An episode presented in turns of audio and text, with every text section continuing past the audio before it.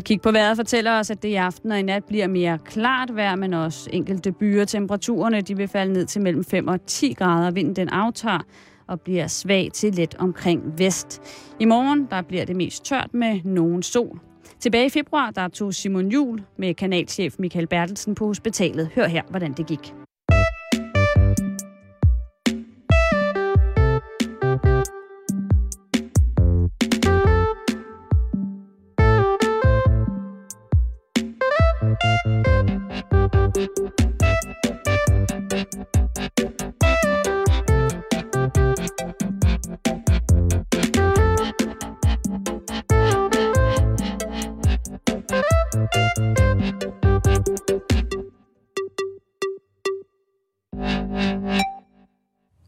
Eftermiddag og rigtig hjertelig velkommen til Halløj i betalingsringen. Normalt vil vi, Simon Jul og jeg, sende direkte fra studiet her i København på sådan en onsdag, men på grund af sygdom på redaktionen er det desværre ikke muligt i dag. Og bare rolig, det er ikke noget alvorligt, I skal ikke være bekymrede. I stedet tager vi dig, kære lytter, med på en rejse tilbage i tiden. Vi skal tilbage til den 23. februar 2012, hvor Simon er taget med kanalchef Michael Bertelsen på hospitalet.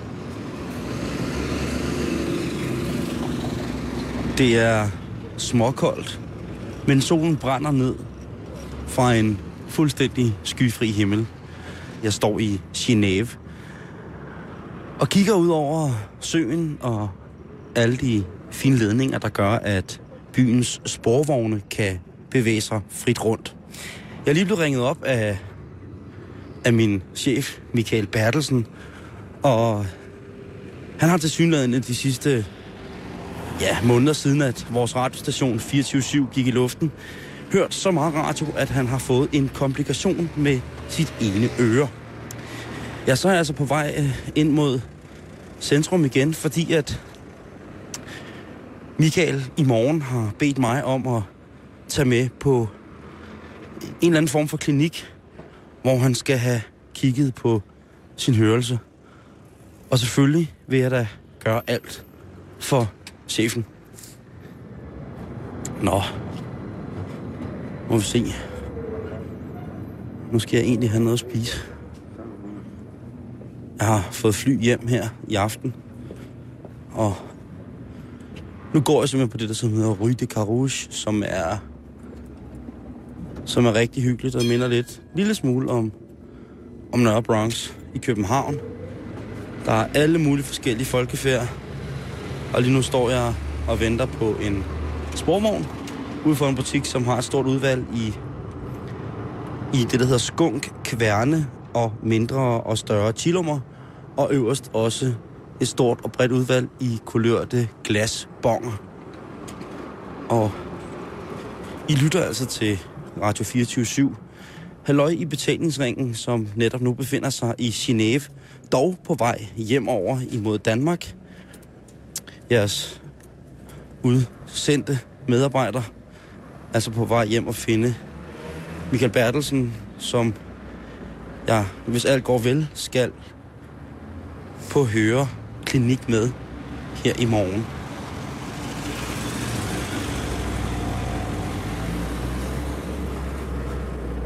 En af de ting, som jeg nu rigtig godt kan lide ved Genève, det er, at alle bilerne partout holder tilbage. Der er kun én ting, fodgængere skal stå tilbage for, eller alle skal stå tilbage for, det er som sagt sporvognene. Ellers så standser alt for fodgængere.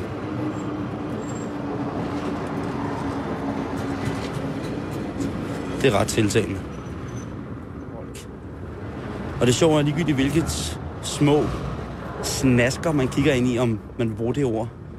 Det ser fantastisk ud, og det dufter himmelsk. Den kolde, klare luft, der er her i Genève lige pt. Og duften af vietnamesisk frityrkøkken, kambodiansk øh, kogekøkken, marokkanske krydderier. Den fede duft af kanel blandet med den kolde, klare solskinsluft hernede er altså ret morsom. Og så at alle folk, der sidder ned og spiser, de sidder altså nærmest i jakkesæt helt stift pusset af. Og så kan man få på de gode steder åbenbart en hagesmæk, således at man ikke smusser eller tilsø- tilsøler sit dertil indrettede fine arbejdstøj til. Det er ret hyggeligt.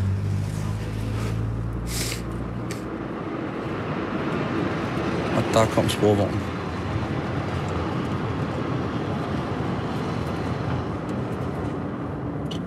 Nu har jeg fundet en etiopisk kebab, som jeg vil gå ind på. Og her er et stærkt udvalg af forskellige shish kebab og afrikanske specialiteter. Og det ser rigtig lækkert ud. Menukortet er traditionelt treopdelt, lamineret i et A3-format. Og må vi se, hvad jeg skal have her.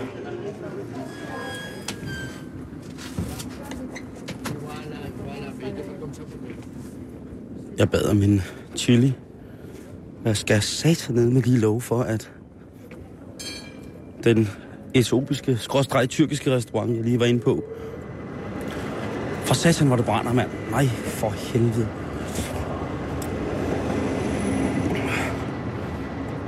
Det er som om, jeg savler. Hele tiden. Lidt ud af mundvine. Men den ligner slet ikke den chili, jeg er vant til at få. Det hos min normale svarmemand. Det her, det var forklædt som en blid sauce tomate. Og nu sidder jeg så i sporvognen i Genève.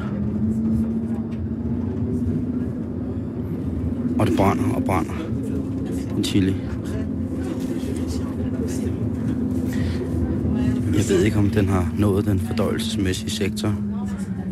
Men jeg frygter, at et, et akut toiletbesøg meget snart bliver voldsomt aktuelt. Så lige så meget som jeg elsker chili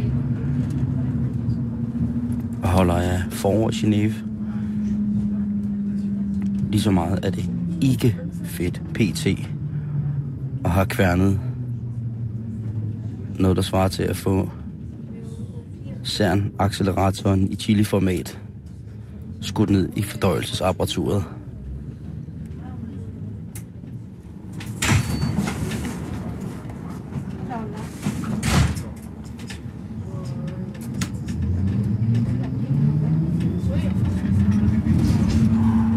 Nu skal jeg snart finde et sted, hvor jeg kan besørge, ellers så bliver det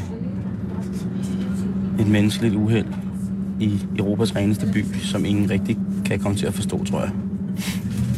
Prochain arrêt.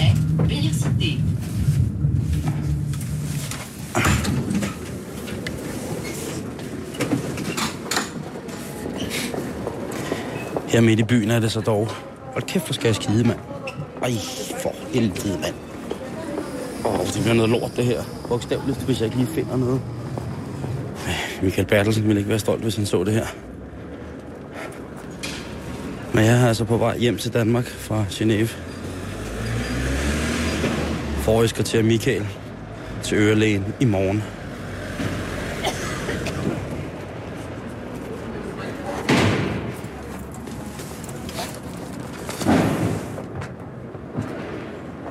Åh, oh, nej. Og så har jeg små 50 meter tilbage, før jeg kan nå... Oh. Før den etiopiske, skråstreg tyrkiske steppebrand, der har spredt sig i mine fordøjelsesregioner, kan få frit løb.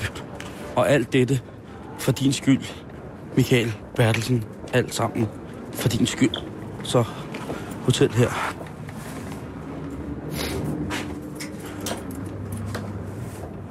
Hello?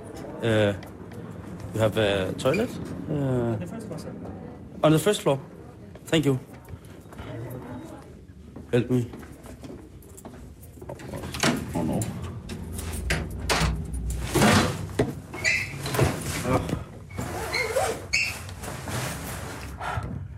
Jeg nåede det, og resten, kære lytter, det skal jeg spare jer for.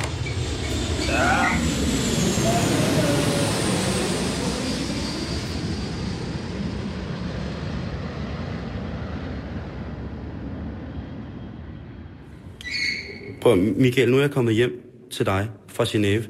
Jeg kan godt sige dig, at det sidste, der sker i Genève, det var, at, at det er også lige meget, men nu er jeg, det, det var en lidt besværlig tur hjem, faktisk. Men nu er jeg her, og nu skal vi ud på, men, på hospitalet. Men jeg kan ikke rigtig forstå, hvad der er galt med dig. Jeg har ondt i øret. Jamen, det, så langt fik jeg også fat i det. Men er det sådan meget ondt, så du ikke kan sove, eller? Det, det går lidt op og ned. Nogle gange gør det rigtig ondt. Og så har jeg altså, ondt i øret, og så generer det mig ligesom hovedpine. Eller... Har du forklaret, hvem jeg er?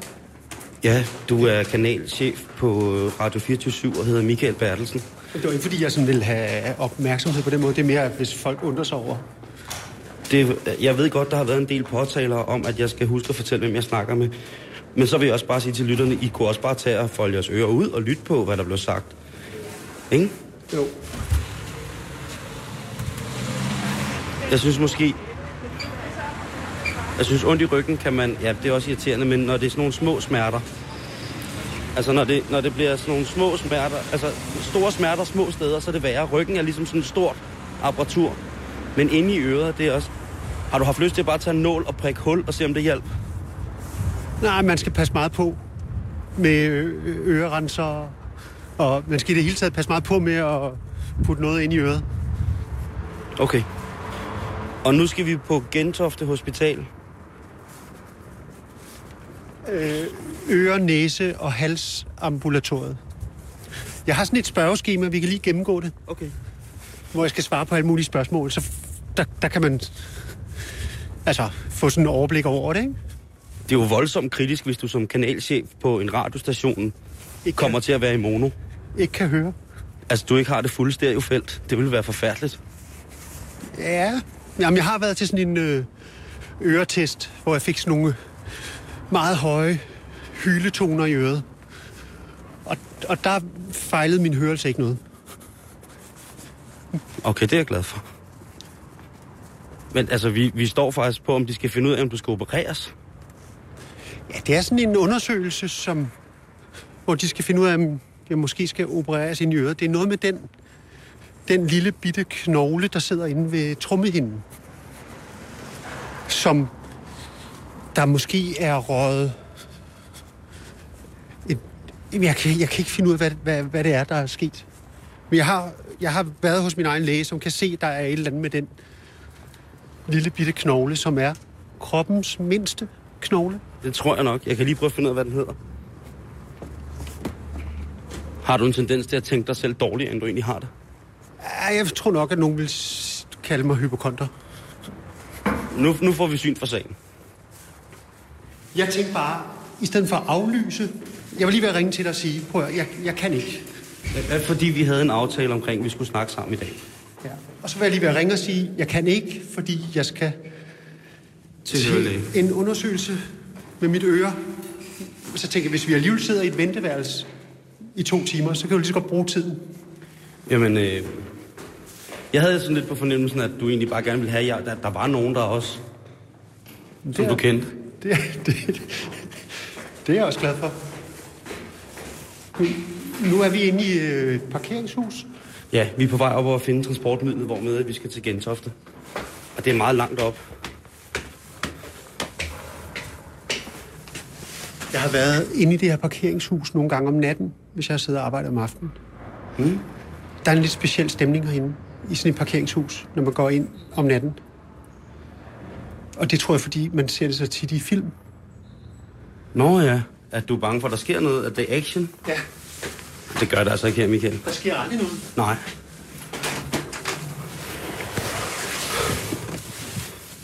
Jo, men jeg tror, øret kan være noget meget... Øh...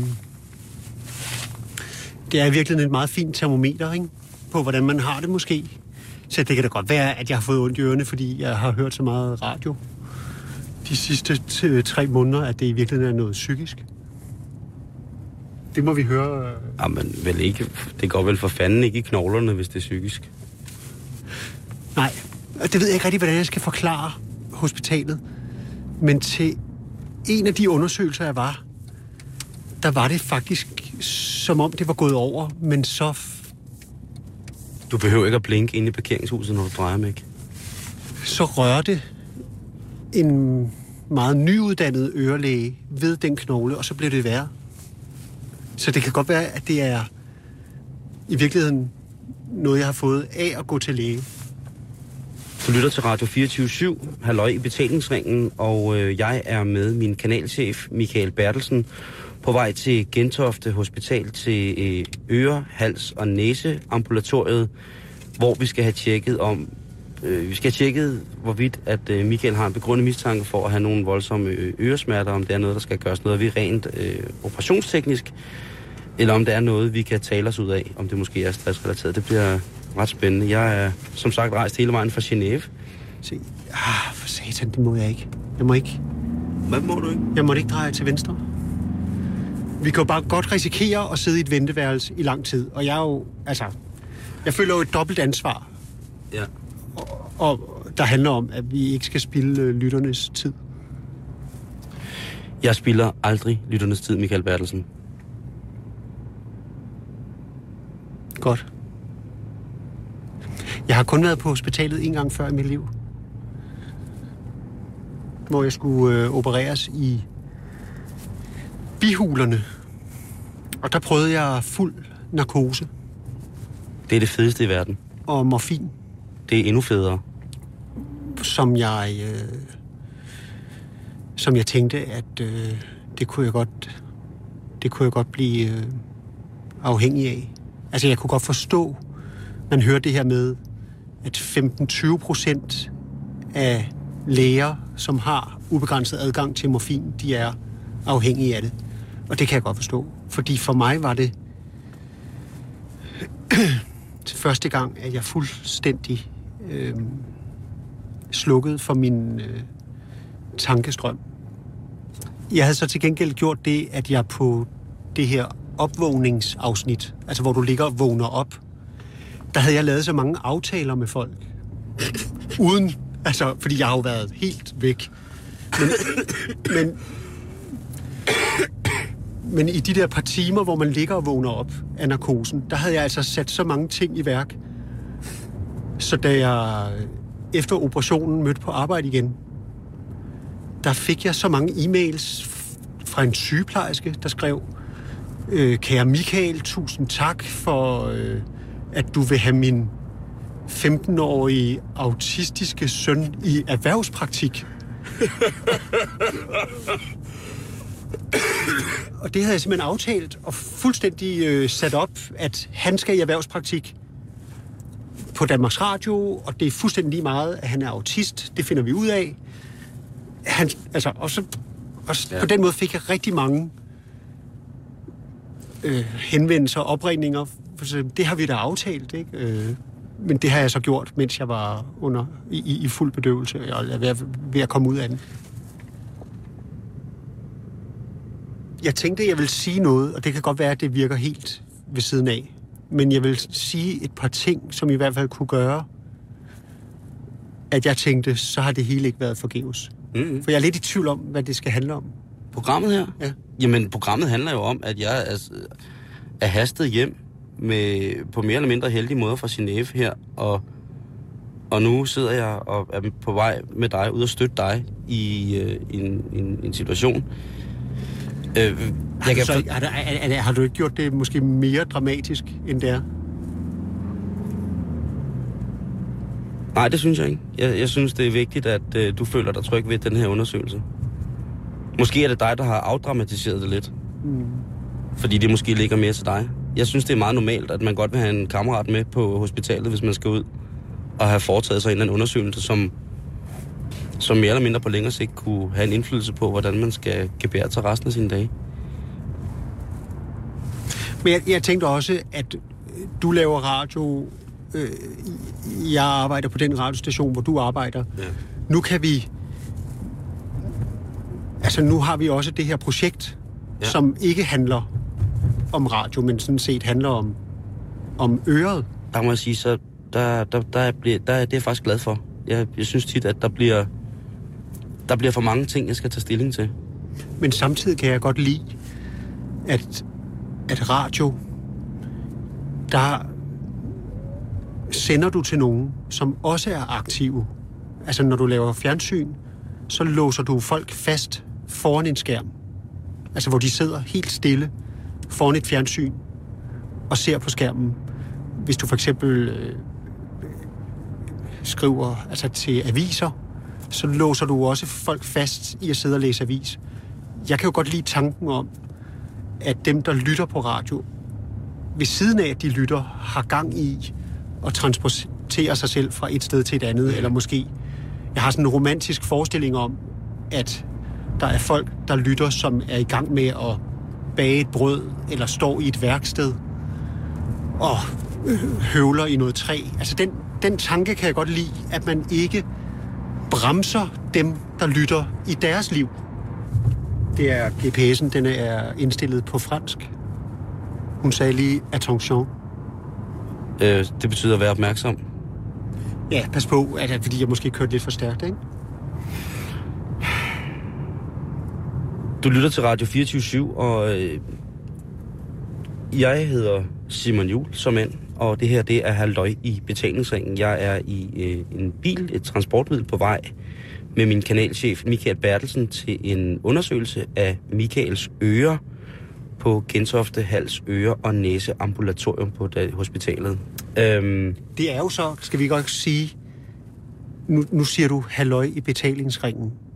Det her foregår jo dagen efter, at, at betalingsringen er blevet sløjfet. ja, og vi kører i bil. Vi er lige kørt igennem betalingsringen. Altså, der, vi sidder jo faktisk og laver halløj lige igennem betalingsringen. Og nu er der kun én betalingsring tilbage, og det er dit program. Nu er jeg altså lidt i tvivl. Ja, det er lægevagten. Vi skal videre frem. Jamen, hvor... Der er en information her. Vent lige lidt. To sekunder. Jeg har et... Vi skal også holde sådan, så vi ikke... Nu holder vi ambulanceindgangen.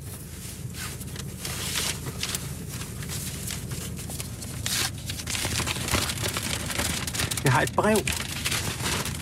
Og det første, der slog mig, da jeg åbnede den her, det er, at de første seks sider handler om, hvordan man kan klage over den behandling, man har fået. Nå, hvad står der her? Jamen, Her står der meget med, hvis du vil behandles på et andet hospital, og hvis du ikke er tilfreds, så, så skal du klage her. Og Nå, men der står her, hvor vi skal hen.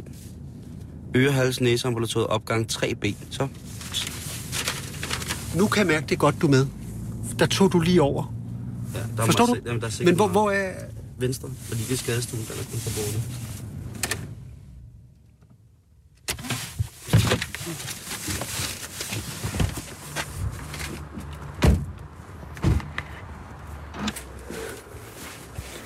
Tror du, det ville gå hurtigere, hvis du sad i kørestol? Nej, der, jeg, jeg har sådan noget med, at øh, man skal ikke sætte sig i en kørestol for sjov. Det ved jeg godt, du øh, har, har gjort. Ja. Men det, det, det, der tænker jeg, at det, kan, det er sådan noget, der kan ra- ramme en. Så information den her vej. Opgang 3 B. Ja.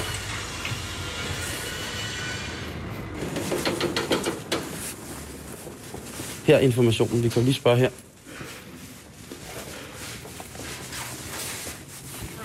Opgang 3B. 3B, ja. I går ud af døren der, trykker på døråbneren hen på væggen til højre, og så kommer I ud i gården. Så går I over igennem den blå opgang, det er opgang 3, og så lige over på den anden side, så ligger 3B. Tusind tak. Tak.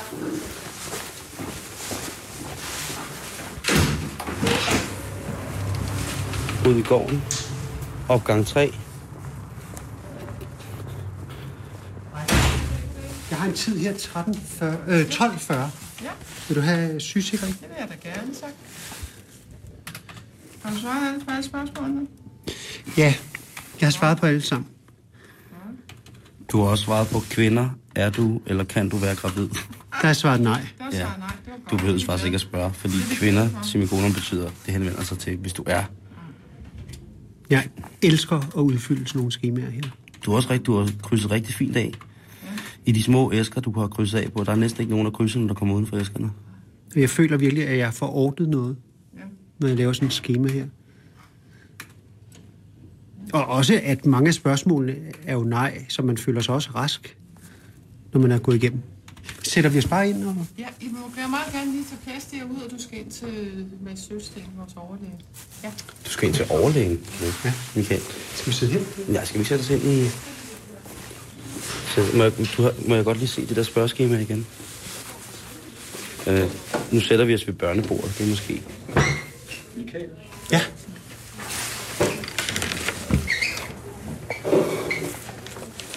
Hvor sidder du henne?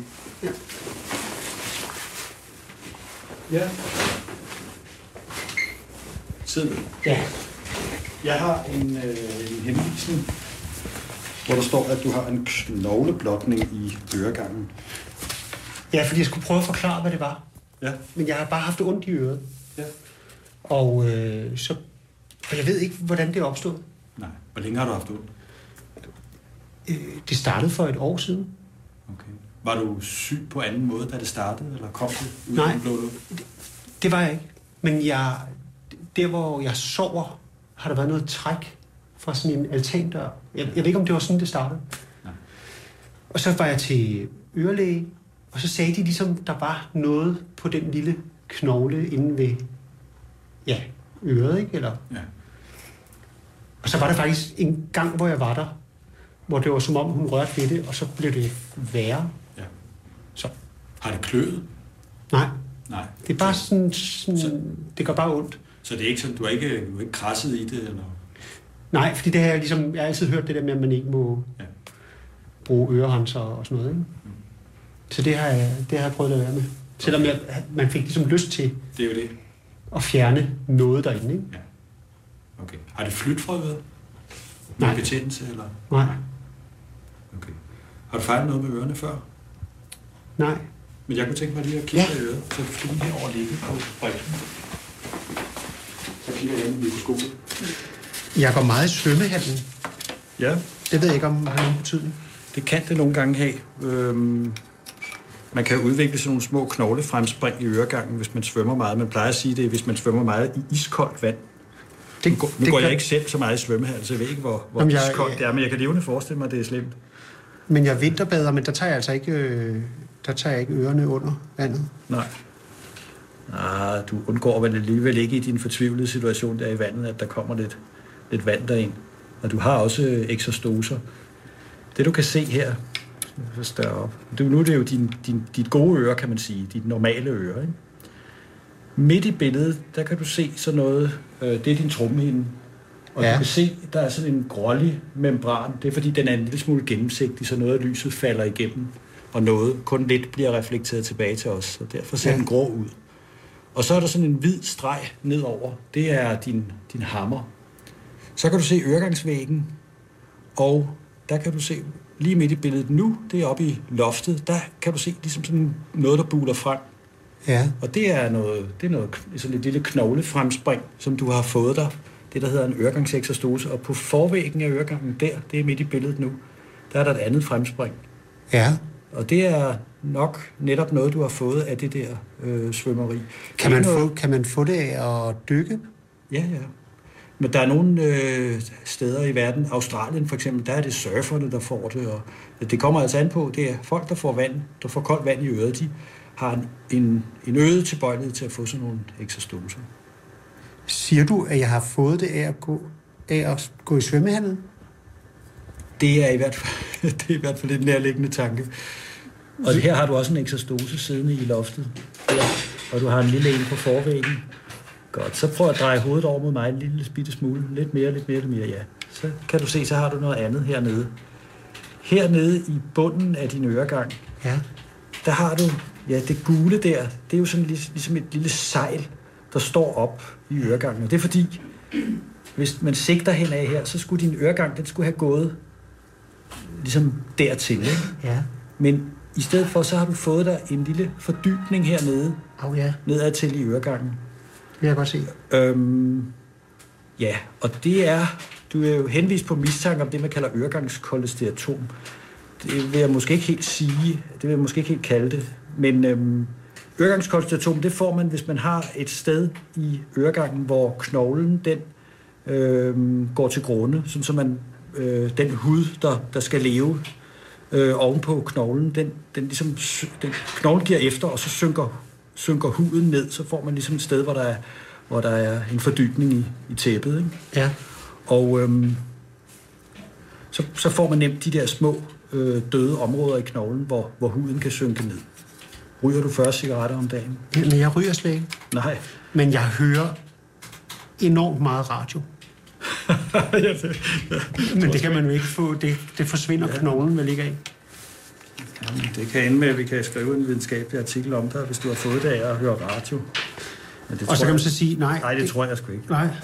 Det man, det, man kan gøre ved det, øhm, det er, at øhm, man, kan, man kan fjerne den der skarpe kant. Øhm, man skal ikke begynde at prøve at, at fylde op eller bygge op med noget. Men man kan lave en operation, som nok helst skal være i, i fuld bedøvelse, hvor man går ind øh, gennem en trakt i øh, øregangen, og så øh, laver man snit i huden og løfter den der tynde hud fra øregangen i det sted og lige rundt omkring det sted, hvor problemet er. Og så bruger man sådan en lille øh, diamant øh, så man, hvor man går ind og glatter, glatter kanterne af på det der.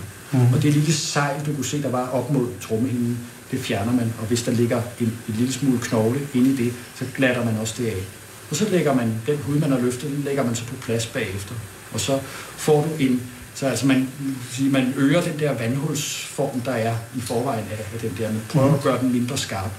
Og så øh, kan du så får øret sin naturlige selvrensende funktion igen. Vil, vil du anbefale det med det her? Eller er det bare noget, man skal leve med? Jeg synes øh, måske nok, at man skulle øh, starte med at se det lidt an, fordi du er ikke, øh, det er ikke oplagt, at man er nødt til at, at, at operere det. Nej. Det er jo klart, det er jo en afvejning af gener mod øh, den, øh, hvad skal vi sige, ulempe Klart. og risiko, man jo også altid tager, når man opererer. Hvis man laver sådan en operation, så kan der være en lille risiko for, at øh, når man arbejder tæt på trommehinden, som du kan se det bliver, at for eksempel, at der kan ske en skade på trommehinden, så man skal til at lappe den i forbindelse Ja, ja. med, med operationen. Ja. Så en, en lille risiko vil der være, og jo også noget ulempe i forbindelse med det. Og det her er jo noget, som... Altså i første omgang skulle man måske lave en aftale, hvor du kom med nogle måneders mellemrum, og hvor man så rensede øret. Øhm, og så øhm, håbet på, at det... Altså, der er også den mulighed, at det kan glatte sig af med tiden. Men indtil videre er det jo altså gået en, en, noget, der er gået den forkerte vej. Så. Ja. At det kan godt være, at jeg vil sige, at jeg måske hellere vil leve med det, Ja. end at altså, gå igennem en større operation. Ja, det ved jeg ikke. Ja, nu, det, der er jo ikke tale om en større operation, men, men altså, det, er jo, det er jo selvfølgelig fuldstændig din afgørelse, mm. om, om, øhm, om du vil leve med det. Og jeg, jeg, jeg tror også, hvis det der sad på mig, så ville jeg også i første omgang vente. Altså, det synes jeg er Ja. fornuftigt. Ja. Er du ikke også så, lidt så lidt hvad glad? er vi ude i en kontroltid om øh, hvor lang tid, synes du? Fra nu? Om seks måneder ville være mit forslag. En tid her igennem hos Ja. Mads om seks Og så måneder, kan vi aftale, at hvis du inden da Ja, det går øh, rigtig ondt, oplever, at et eller andet ja. går helt galt i øret, så Ja. må du ringe herud, og så tager vi dig tidligere ind og kigger på det. Ja. Nu skal vi høre, i forhold til sommerferie og sådan noget, vi er sådan lidt henne imod slutningen af august. Det er fint. Det er fint nok 20. for eksempel. Ja. Tid på dagen, det er du helst noget fra morgenstunden halv ni-agtigt. Ja, det er næsten Eller- det bedste, ikke? Eller hvad, tænker jeg, du der er sådan mere eller mindre frit slag. Ja, men tidligere om morgenen er godt for mig. 8.30. Ja, lige pludselig så kan jeg lige nå at aflevere. Billedet, som øh, Michael og ørelægen Mads har kigget på, er en klassisk planche, som man kender den fra sine gamle undervisningslokaler i for eksempel biologi eller geografi. Og det er altså øret, som er skåret på tværs, og så er der i forskellige, ikke brandfarver, men turkise og mørkeblå nuancer, lidt brune, tegnet simpelthen de forskellige organer, som Mads lige forklarede os, er øh, den sammensatte komposition, der gør øret og gør, at vi kan få lydbølgerne lavet om til noget, som vi forstår som lyd inde i selve hovedet. Det er faktisk en fin planche. Og det var sgu da bare skide godt. Ved du, hvad der var godt? Nej, Ved, at du var med. nej. Det var som om, at de virkelig øh, gjorde sig umage. Lad du mærke til det? Jeg synes bare, det virker som professionalisme. Jeg lagde ikke mærke til, at... at Jamen, det virkede også som om, at øh, jeg kom direkte ind.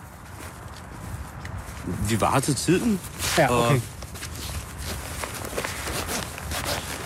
Så det var, det var en, en verden ind i øh, Michael Bertelsens mikroskopiske øh, biologi. Du lytter til Radio 24 halløj i betalingsringen.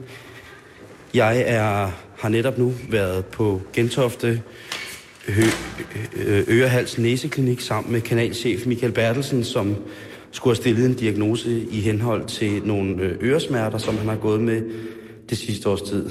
Øh, og ja, det skulle måske have været svar på, om en Michael skulle have foretaget en eventuel operation, eller han bare kunne lade tingene stå og så se, hvad der er sket. Og heldigvis er det blevet til, at Michael ikke skal opereres, og vi kan nu igen gå med, med opløftet pande og begge ører intakt, uden udsigt til større eller mindre kirurgiske indgreb.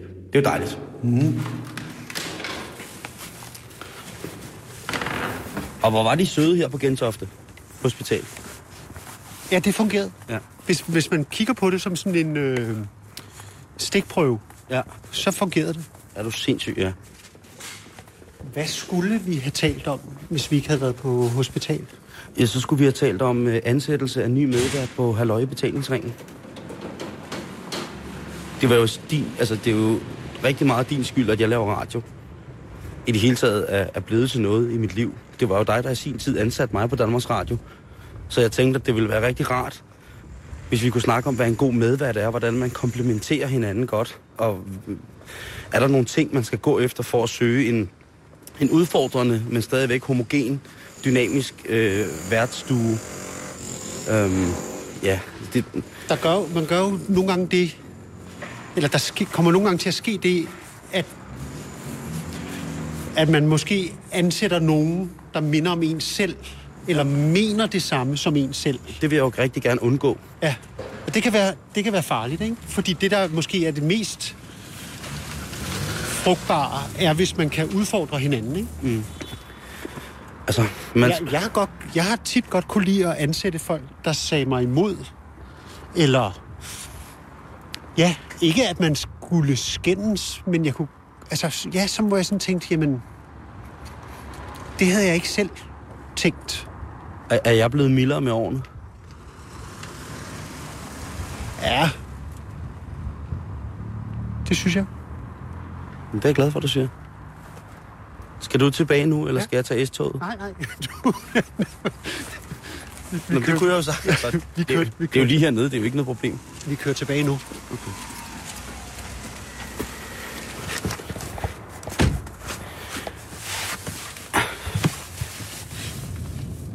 Jeg kan bare slet ikke finde ud af, hvor, hvor jeg kommer ud. Nu kører du hen til blodbanken. Jamen, skal vi tage en tur til? Ja. Bare lige gå ind og aflevere. To liter blod, kom helt svimlende tilbage. Det er det, så er der kommet noget godt ud af det, ikke? Jeg synes, der er kommet noget rigtig godt ud af det. Fordi på den ene side, så tænker jeg, nu er der mulighed for noget narkose og noget morfin. Og samtidig så tænker jeg også, det er ubehageligt at blive opereret. Ikke? Jo jo, men du kunne jo bare have sagt, prøv at høre, kan du ikke give mig lidt til, at hvis smerterne bare kommer og går en gang imellem? Det kunne du jo sagtens have spurgt om. Og så, så han sagt, jo, men altså, nu har jeg lidt øh, uh, trapadol eller lidt dolol her, nogle tabletter eller nogle former for ibuprofen, og så kan du få nogle, nogle piller, som har lidt større aktiv, som du tager i henhold til din, til din for eksempel paracetamol eller ganske mindre hovedpinepiller, og sagt, ja, okay, men hvis det, det skal rive lidt mere, sådan så at, du ved, det kender jeg mange, der gør. Jeg kender en, der har, har fået valium mod sin høfeber. Er det rigtigt? Ja.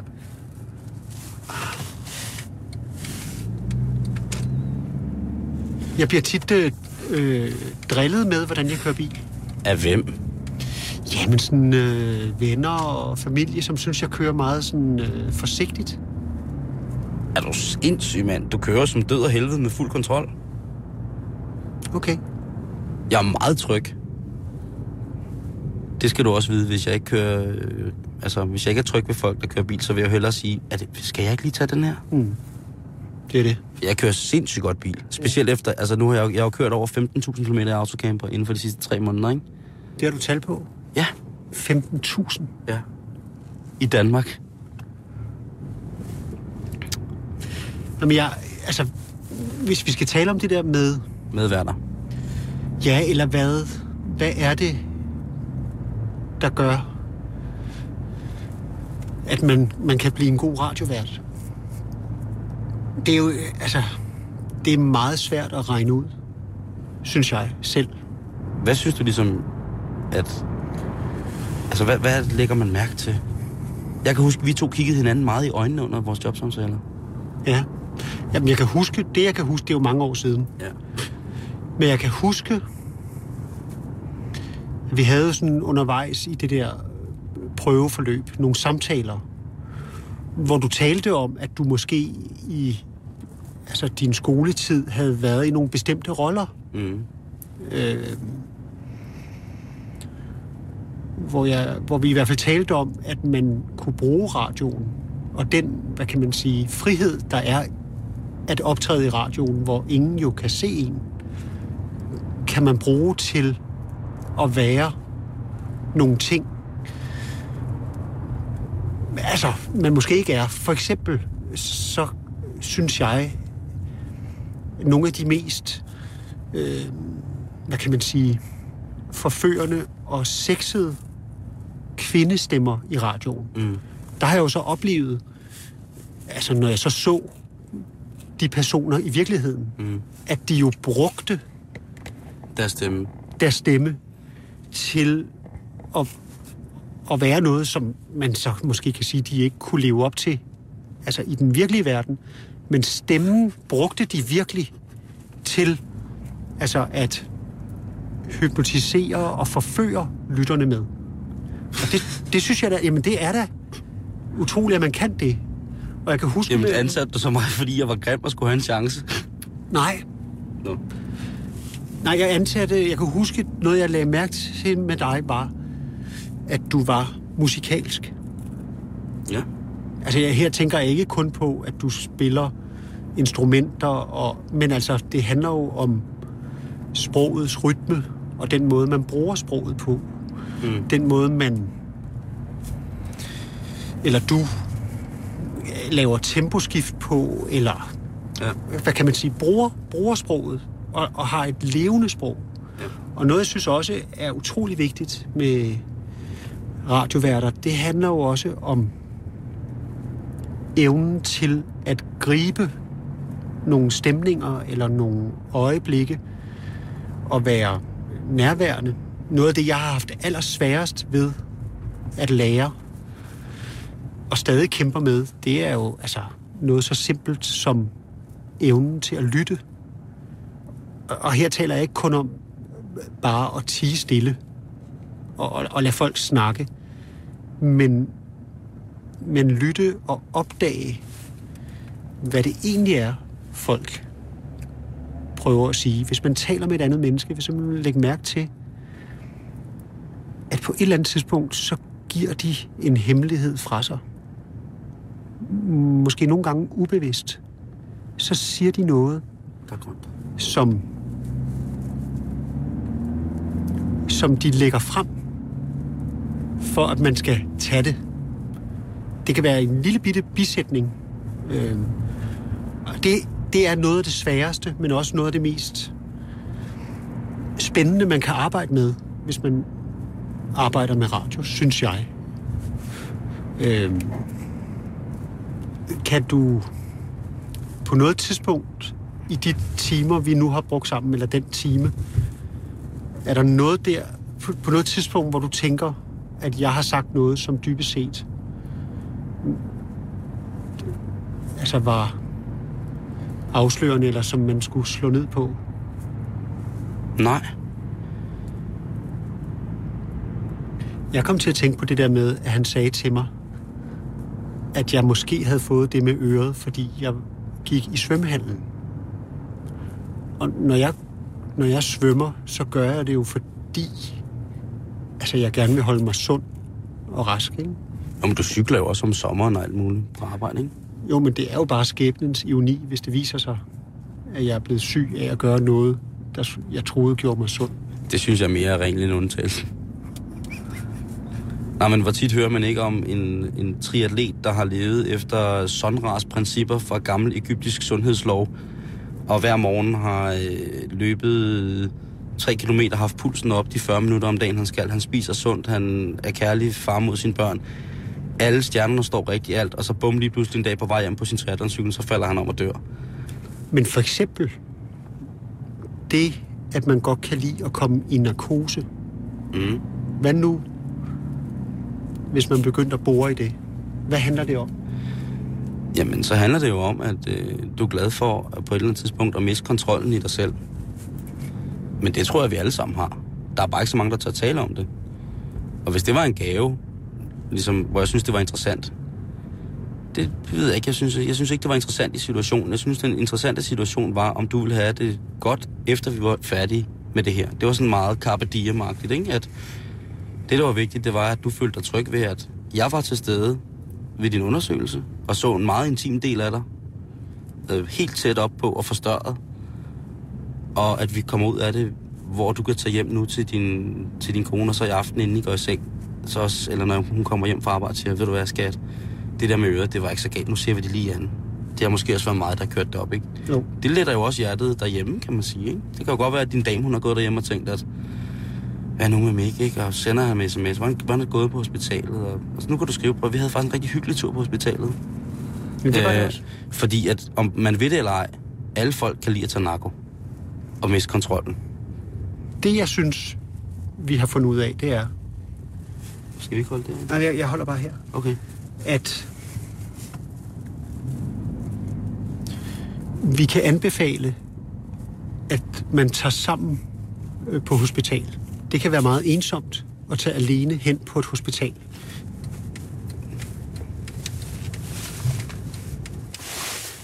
Jeg har noget til dig. Har du? Det er, jeg har det omme i den taske der. Jeg kan lige hente det. Okay. Skal jeg bare blive siddende i bilen? Ja.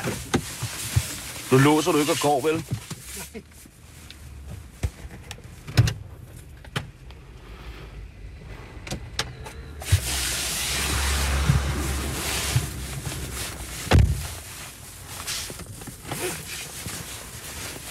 Nej, det er jo fordi, at øh, det her med, altså hvordan kommer man overhovedet i gang med at lave noget, for eksempel radio. Og så i går aftes, der fandt jeg ved en tilfældighed en lille bog derhjemme. Ja. Og det, den er skrevet i en helt anden sammenhæng. Og den er skrevet af en dansk kunstner, der hedder Jes Brink. Og jeg tror, han har lavet den til kunstnere, som ikke kunne finde ud af, om de skulle søge ind på Kunstakademiet, eller havde fået afslag mange gange, og i det hele taget ikke altså var i tvivl om, om de overhovedet var noget, Mm. og om det, de ville lave, overhovedet var vigtigt for dem selv og for andre. Fordi det kan være meget svært, og det er jo ikke fordi, at det at lave radio skal være en kunst.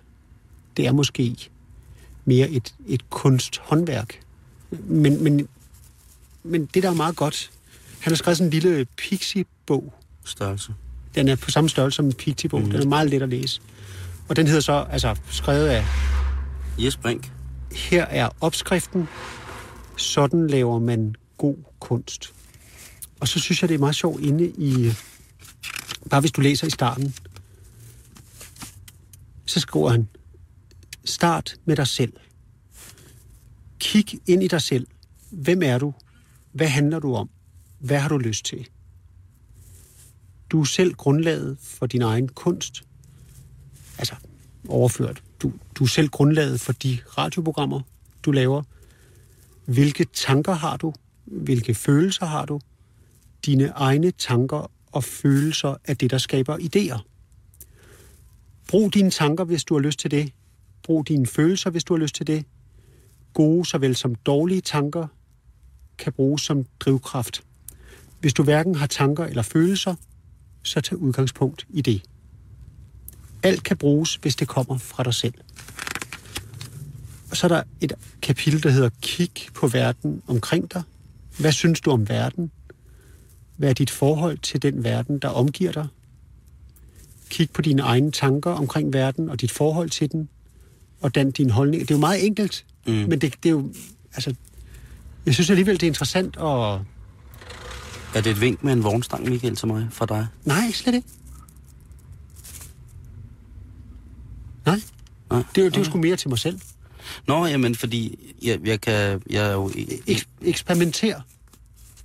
Mm. Altså, nej, overhovedet ikke, fordi øh, den tid, du investerer i dit projekt, er det, der giver dig resultater. Alt andet er overtro. Øh, ingen er født som genier. Ingen er født som genier.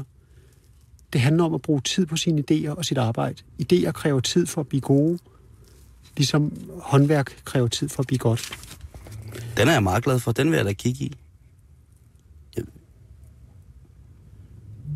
Jeg- har jo også med at skulle starte med at lave sådan noget taleradio igen, skulle igennem sådan en selvrealiseringsproces, og har måttet finde ud af, at jeg jo bare er meget på vej til at blive hen af mine forældre. Ikke sådan hippieagtig, og noget med naturen, og snakke lang tid med folk, og det kan jeg rigtig godt lide. Øhm, og det er jo, jeg tror, jeg er nået til det afsnit, der hedder eksperimenter, ikke? Mm. hvor det måske før... Altså, jeg kommer jo aldrig til at synes, at det ikke er sjovt at lave sjov. Nej. Men jeg kommer også til at vide, eller jeg ved også med mig selv, at det er rigtig vigtigt, og når man snakker med mennesker, at tage den mere eller mindre alvorlige samtale, eller fortæl, den, fortæl en anden historie. Jeg synes ikke nødvendigvis den gode historie, fordi så skal man til at diskutere smag, og det er der nok tosser, der gør i forvejen. Men det der med, at lige så snart det er, det, og det kan være, det er meget egoistisk, at det er nærværende og vedstående for mig, når jeg modtager historien fra personen, der giver den til mig. Altså, at vi lige pludselig er inde i noget, som hedder tillid. Så synes jeg, det bliver meget vigtigt, fordi så kan jeg mærke oprigtigheden i det, som folk fortæller mig. Når folk vælger at vise mig den tillid, og vise mig den tillid og fortælle ting. Det kan godt være, at jeg måske skal grave lidt i det, som jeg snakker om med at sige, og fange. Fanger jeg den nu også rigtigt? Men tilliden i, at folk tager sætte sig ned og kigge mig i øjnene, drikke en kop kaffe, ryge nogle smøger, og fortælle, hvad de synes, deres ting handler om, lige nu og lige her. Det er menneskeligt og radiomæssigt et job, og bare at kunne få lov til at måske at formidle 50% eller 40% af den, hvis jeg kan formidle den tillid, som jeg bliver vist af de mennesker, som jeg vælger at sætte i stævne, så synes jeg, at jeg foretager mig noget fornuftigt i forhold til at lave radio. Jeg laver ikke kunst. Det kan jeg lige så godt sige. Det synes jeg ikke, jeg gør. Slet, slet, slet ikke.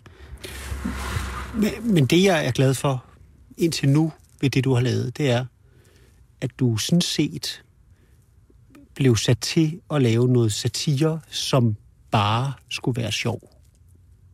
Og det har du reageret imod, synes jeg, på en, en sund måde.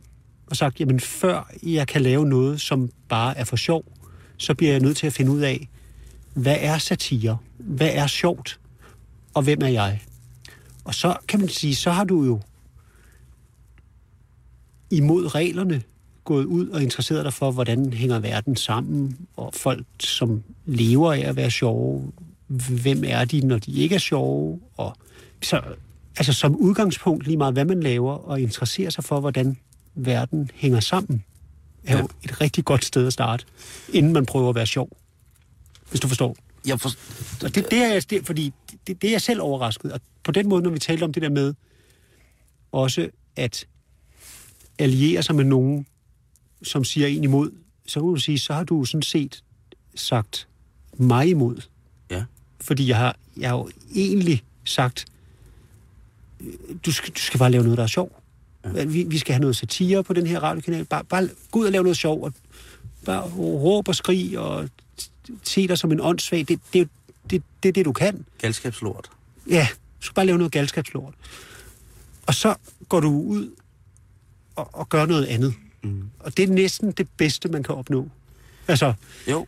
ikke, ikke det der, øh, hvad kan man sige, øh, forceret øh, Rasmus modsat, eller oprør, i, bare altså ligesom ikke ville føje sig, men, men gøre det, fordi det er det, man tror er det rigtige for en lige nu. Er, er bagklappen stadig åben? Ja, den skal vi lukke. Jeg skal lige have en parkeringsbillet, og så er det det. Skal vi sige, at... På jeg har nogle småpenge. Skal jeg ikke lige trække? Hvor lang tid skal Nej, jeg tager bare på... Det er fint. Altså, Så, så, så, så kan vi lave klassikeren. Det er det der, når man står, når man interviewer nogen, og de så siger, og øh, hvornår bliver, bliver det her så sendt? Og så skal du sige, nu. Jeg, jeg skal lige høre dig bare her øh, til sidst. Hvor- Hvornår bliver det her sendt? det bliver sendt øh, i morgen, tror jeg. Og hvis Hvad så med nu? i nuet, der skal du bare leve, baby. Det er jo kun radio.